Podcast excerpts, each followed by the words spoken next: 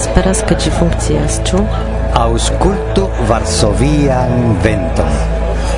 Mi estas Carlos el Málaga. Yes. Bla bla bla.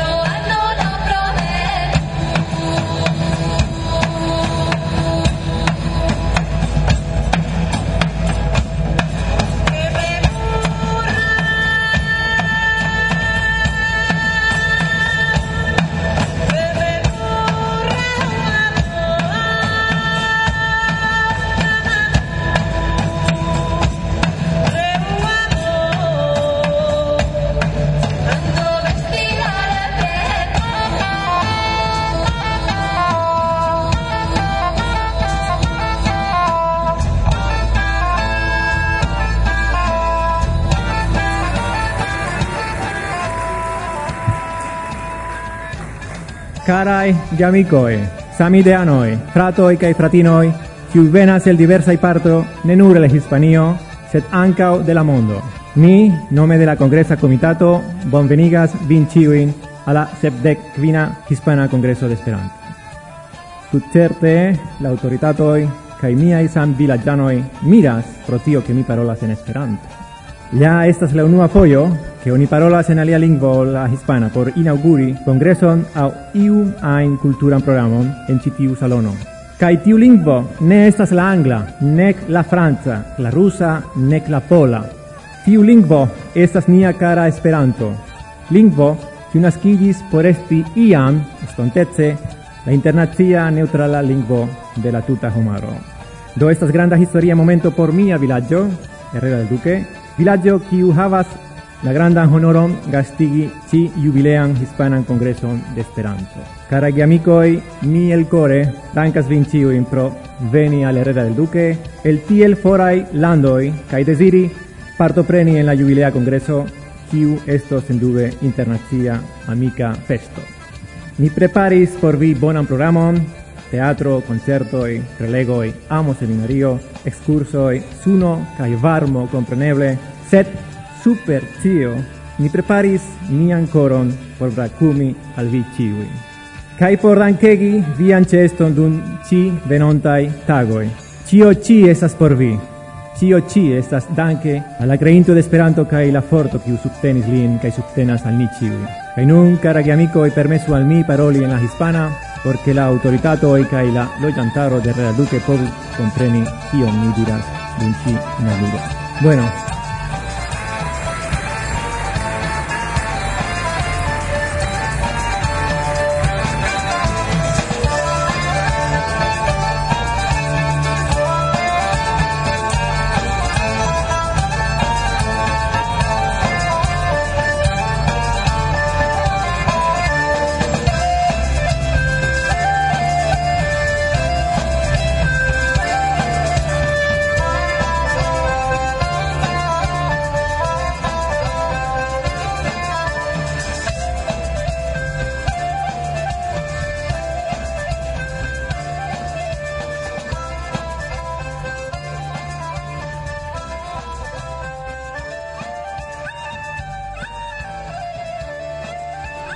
Extremaduro, Suno Kai Esperanto.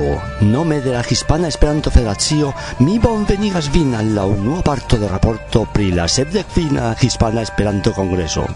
Toño del Barrio, presidente de Hispana Esperanto Federacio.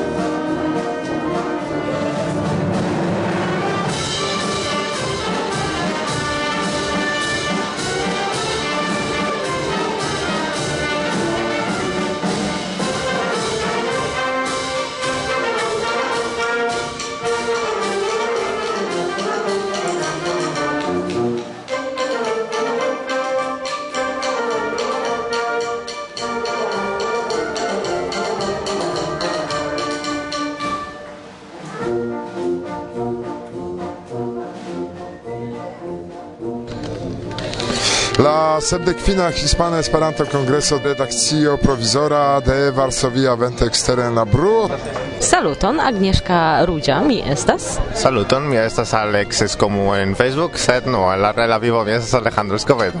Saluton, mi estas Silvia. Saluton, mi estas Sara Spano. Kaj Istvan Ertl el Hungario, Luxemburgio. Kaj kompreneble, mi, ire, kaj Karaj estas bruo pro Esperanto. Nē, nē, tiesas rūģā. Kā nī invitas vien auskultīs an raporton, pri la sepdek fina Esperanto Hispana Kongreso kaj ni prezentos tagon post tago. Kio okazis hieraŭ, ĉar eh, hieraŭ fakte ni ankoraŭ ne priparolis kaj estis amo seminario kiel antaŭ kongresa fakte programero. Yes, fakte kiel komisiito pri aktivula maturigo de UEA mi vere ĝojas ke tiu ĉi belega kongreso gastigis la dudek sesan amo seminarion ĉi tie en Rara del Duque kaj do kio okazis hieraŭ. La ĝenerala temo de la seminario seminario estas actuale eblezzo por disvastigi Esperanton kaj fakte ni jam hieraŭ vidis eh, plura in temo kaj pritraktis plura in temo in pritio. Do post inauguro kaj presentado okazis vere vere vere brila kaj interesa programero pri kiel kontraargumenti kritiko en Esperanto de doktoro Duncan Charters de Miguel Fernandez estis kiel eligi Esperanton eksteren per literaturo de Eric Bobchak estis pritraktata la kerna kaj gravega temo de uzado de podcastoj kiel hilo de activado kaj engagigo de lernintoj de la lingvo poste estis novaj metodoj informigi kaj lerni per la reto. Wikipedia de José María Salguero. YouTube Agosfero de Miguel Gutierrez Aduriz kaj la unua tago de la seminario finigis per comuna colloquo kaj debato pri la rezultoj de la tago La accepto en la urbodomo estis aparta ocasajo, char en tiel malgranda loco, che l'erera del Duque, nur kun quar mil logiantoi, oni povas havi tre rectan contacton, cun ec la urbestro, can ciui ties cabenoi ca escabelulinoi, estas necedebe recte, cune? E poste, do, en la accepto mem, ni esis tusitai de tiu recta sento, kiu facile evoluis inter locanoi ca le. Oni eĉ ne dirus manke de komuna lingvo, ĉar la hispana estas tiom simila al Esperanto en eh? kelkaj tagoj eh, ni kvazaŭ povos ĝin akiri ĉi tie. Eh? Do la urbestro mem estas tre simpatia, juneca, energia, vigla homo. kaj do mi tamen ankaŭ rigardis persone la skabeninojn, kelkaj havis altajn kalkanumojn. Sed mi pensas ke do ankaŭ la urbestro estas tre tre simpatia tipo. La 30 de julio, ĵaŭdo kaj kio en la programo? Do ni havos um, post kelkaj horoj kurson por progresantoj. Elena kaj Mariam prelegos pri lingvoj en Dagestano en Rusio. Poste estos Katerina kaj Elena kiu prelegos pri la rusa Siberio. Kaj samtempe renkontiĝo de retlernantoj kaj unufojaj kongresanoj kaj poste kurso por progresantoj kaj ankaŭ inauguro de ekspozicioj kaj dume kompreneble akcepto de kongresanoj. Kai okazas solena on inauguro post kiu muzika lirika vespero de Miguel Fernandez kai concerto de Asort. Yes, do tiu solena inauguro do venos urbestro, venos laboristoi de urbodomo. Vi auscultos ilin en la hispana kai interpretos ilin Tonio, la presidento de Esperanta Hispana Federacio. Kai ankaŭ estas amo seminario hodiaŭ, ĉu? Certe, kai la dua tago de la amo seminario fakte estos vere vere vere engagiga kai instiga Liga.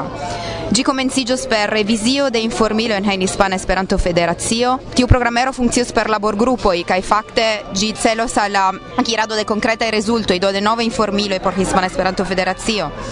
Poste Oni daure pritraktos la temon de uzado de podcastoj kiel ilo de aktivado kaj engaĝigo de lernintoj de la lingvo kaj muziko ludos vere kernan rolon. Dum tiu ĉi dua tago de la amo seminario estos muzika ateliero creado de cantoj canta ateliero de Jean-Marc e Natasha kai poste estos ankaŭ interesega programero de Ana Manero pri kiel el tiri profito en biblioteca e ret katalogoj kaj de nove doktoro Duncan Charters prezentos tre aktivigan kaj interagan tre sesion pri kiel paroli publike pri Esperanto. Kion diri plu? Bona auskultadon. Bla bla bla. Bla bla bla kompreneble. Bla bla bla bla.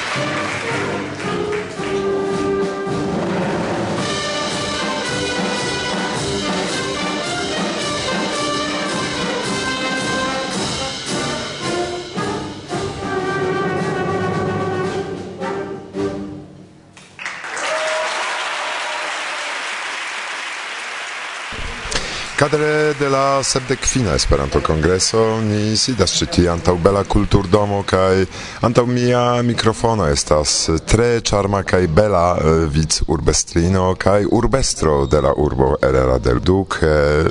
Bueno, muy buenas tardes, encantada de, de, estar compartiendo este ratito. Mi nombre es Soraya Vega Prieto y soy concejala y bueno, teniente de alcalde con Satur aquí en el Ayuntamiento de Herrera.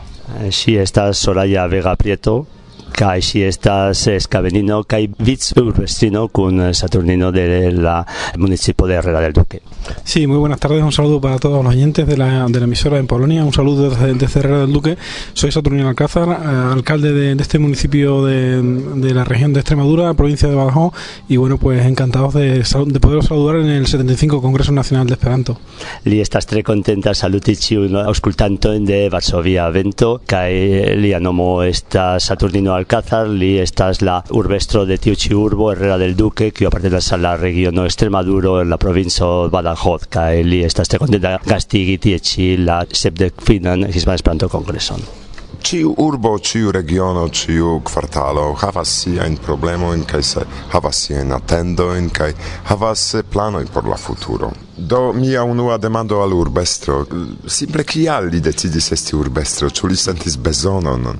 Bueno, esto fue una historia muy larga de contar, seguramente no, no da para el programa para contarlo todo, pero bueno, eh, nace básicamente de, un, de un impulso personal y de una No sé, la eh, decido pri la electado estas longa historio pri kiu ni ne havas eĉ tempon paroli, se tamen base en tiu ĉi momento la eh, urbo travivis eh, krison eh, el vidpunkto de la regado kaj eh, grupo de homoj ĉefe tre junaj en la jaro 2006 decidis fari apasionantaŭe ĉar ili sentis ke la urbo ili povus helpi al la urbo solvi la problemon kiun ili havis kaj la eh, loĝantoj de konfidis en ili kaj de tiam ili estas la regantoi la venkinto de la eh, daurai balotoi kai de tiam eh, li estas eh, urbestro. Rilate al la problemoj de la urbo eh, la chefa i problema de tiu regiono que de tiu urbo estas base la manco de laboro la mm, problema de la la descenso de loĝado kiu estas tre malalta en tiu areo ankaŭ la mayunicho de la loĝantaro kai ili havas unu specifan problema kiu estas la komunikado komunikado kaj mi aldonu kaj klarigu ke ĝuste la kromnomo de la regioneto que ni havas ankaŭ ŝuldiĝas al tiu problemo de loĝado. Kaj kvankam eh, Madrid estas relative proksima tamen la ŝoseoj kiuj komunikas tiun ĉi urbon ne estas sufiĉe bonaj kaj estas eh, historia peto de la municipo ke tio estu solvata ĉar la urbo kaj la regiono havas grandan potencon naturan kaj de multaj tipo turismo kotopoxe la manco de tiu comunicado eh, malhelpas eh, estas mm, plano pri la ĉefa ŝoseo ankaŭ iam estis plano pri granda auto ŝoseo kiu povus pli malpli trairi la, la lokon sed kiu tamen ne efektiviĝis. Kaj dume tio malhelpas la problemon pri la eh, disvolvo de la de la regiono. Do tio estas eble la baza problemo kiu ankaŭ influas en la alia inkutiman problemo kiu oni frontas ĝenerale en Eŭropo kaj specife en tiu regiono nome la maljuniĝo kaj la malalta del censo de los llantaros de la región. Para poder eh, desarrollarnos, básicamente el empleo y básicamente, pues bueno, pues afrontamos lo que prácticamente está afrontando toda Europa, ¿no? que es la despoblación y el envejecimiento de, de, de, de, de nuestros vecinos. Do tamen malgraŭ ĉio, mi ne vidis vagabondoj ĉi tie, homoj kiuj dormas ĉe strato. Urbo estas vere pura, aspektas riĉe kaj prezentas sian riĉan kulturon. Do Pro kio vivas ĉi tie homoj se oni parolas pri senlaboreco kaj mi vidas tamen riĉan urbon? Bueno, yo creo que en realidad próspera es, ¿no? Porque como decía el alcalde, las oportunidades las tenemos ahí. No, la, eh, la maniera en que le organizillas esta seble, la silo de la respondo al tiu, rimarco que un bifaras y li organizillas eh, solidare de la urbo, estas eh, grande cunillo inter la los llantaro, que hayan cao estas la organizado exter la urbo con la cetera institución, que la cetera urbo y de la circa guayo y que suferas la saben problema que le dejabas y le kun ordigan organismon, ili havas fortan solidadecon inter malsamaj instancoj kaj la diversaj urboj kiuj estas en la ĉirkaŭaĵoj kaj tio iamaniere helpas mildigi la problemon kiun ili havas. Ĉefe pere de la provinco, la deputitaro kiel oni diras en Hispanio kiu estas una en la institucio kiu organizas ankaŭ la regiona registaro kaj tiel plu. Sed tamen eh, restas unu grava problemo kiun ili provas solvi kiu estas la senlaboreco kaj chefe la se la de la junuloi tio de vigas multa in junuloi iri a la lia loco y a la chefurbo y a la lia loco y de la lando eche exterlande kai tio resultigas en granda problema chartio pli grandigas la problemon de la maljunillo de la lo llantaro que también estas problema. Kai por eviti kai por solviti un problemon de maldunguezo chefe de la junuloi y dejabas diversa en proyecto pre que paroli pli detale la con participación ciudadana y que yo creo que será una buena oportunidad para poner nuestra comarca y para poner nuestro pueblo en el mapa, que es, lo que necesitamos para empezar a desarrollar todas las potencialidades que aquí tenemos y que, y que habéis podido ver en estos días. Sí, bien, eh, desde el año 2015 estamos trabajando en, en el Grupo de Acción Local en, en un proyecto que es la, em, elaborar una candidatura para que em, la, la UNESCO nos declare nuestro territorio, la, toda la comarca de la Siberia. Ah, eh, Urbesto reserva de raccontas biosfera. pri tre tre iniziato che ne prenis eh, che pri kiu antaŭe menciis la visurrestrinon kiu temas pri la candidateco ne nur de Herrera sed ankaŭ de la cetero de la regioneto al eh, la candidateco por eh, se mi ne malbone tradukas reservo de la biosfero tiu candidateco kiun UNESCO eh, presente havas situas kaj ili certas ke la riĉaĵoj naturaj de tiu regiono estas indaj je tiu nomumado kaj tiu ege helpus ĉar la granda problemo de tiu ĉi regiono estas la malkono. Homoj konas ĝin kiel la Siberio kaj tio es ke foje eĉ povas malhelpi ĉar homoj ege surpriziĝas eĉ ene de Extremadura kien ili trovas tiun ĉi lokon ĉar ili neniam sciis ke tiel riĉa regiono troviĝas tie ĉi. Kaj tiu deklaro de reservo de la biosfero fare de UNESCO multe helpus en la diskonegado Estado cae en la valorigado de la richaggio natural de tiuchi regiono. Cae tio helpus eche a la valorigado de multa y la producto y lijabas eh, bonegan eh, mielon eh, chafon eh, fromagion shinkon cae chiamoni si es que tío estas pure natura cae tío de venas de la vera naturo eh, tío multe povus helpi que tío povus helpi al tío problemas pris en la bolezzo eh, al que uniante al Y que nosotros entendemos que puede ser, eh, bueno, pues un valor añadido mm, para la generación de actividad, para la generación de puestos de trabajo y de riqueza en una palabra. Do fakte mi aŭdante unua fojon la nomon Siberio, mi pensis ke ĉi tie nenio estas vere interesa kaj nun ni deziras resti kelkaj tagoj pli por viziti la regionon kaj admiri ĝin, ĉar mi rimarkis belan montaron, mi rimarkis belajn lokojn kie oni povas vidi multajn interesajn aferoj kaj belaj urboj ĉirkaŭe, ĉu ne? Do la lasta demando via revo pri la urbo kiel urbestro kaj kiel homo. Bueno, mi sueño, pues, eh, lo he dicho antes, en, la- en- en las demandas que tenemos y lo que ent- entendemos nosotros que puede ser, ¿no? La mejor de las comunicaciones. Básicamente, yo creo que. Eh, a para los granda territorios revo se se desarrollan oni devas buenas elekti unu estas la pero de que- Ili havas eh, veran problemon pri kiu ili strebas plibonigi la komunikadon, ĉar en la urbo oni faris multajn plibonigojn en la lastaj jaroj, oni kreis infrastrukturon, eh, pliboniĝis la bildo de la eh, urbo mem, ekzemple tiu ĉi kongreso kiu nun gastigas nin, kaj multaj aliaj infrastrukturoj, sed tamen tiu plibonigoj en la urbo estus multi obligitaj se oni sukcesus havi bonan komunikadon kun la cetero de, de Hispanio, kun Madrido, kun la orienta parto de Hispanio, kiu nun estas nekontentigaj por la bezonoj de la urbo. ya sea con el Levante o con, o con Madrid. Ese yo creo que para mí sería un sueño y un objetivo por el que seguir trabajando. Do mi esperas ke tio ne estas la lasta kontakto de Esperanto kun tiu urbo. Mi ne demandos vin pri Esperanto, ĉar evidente vi multe helpis kaj ni vizitante urbodomon scias pri tio. Sed nome de la monda esperantistaro kaj ankaŭ hispana Esperanto federacio mi deziras kore danki al vi pro akcepto de esperantistoj de multaj landoj ĉi tie kaj ni estas sub impreso restado de tiu ĉi urbo. Vi tion ne vidos, sed mi kisos manon de vis urbestino kaj dankos al urbestro. Te va a pasar la mano, no lo veamos por ahí, a ti te va a dar la mano solamente.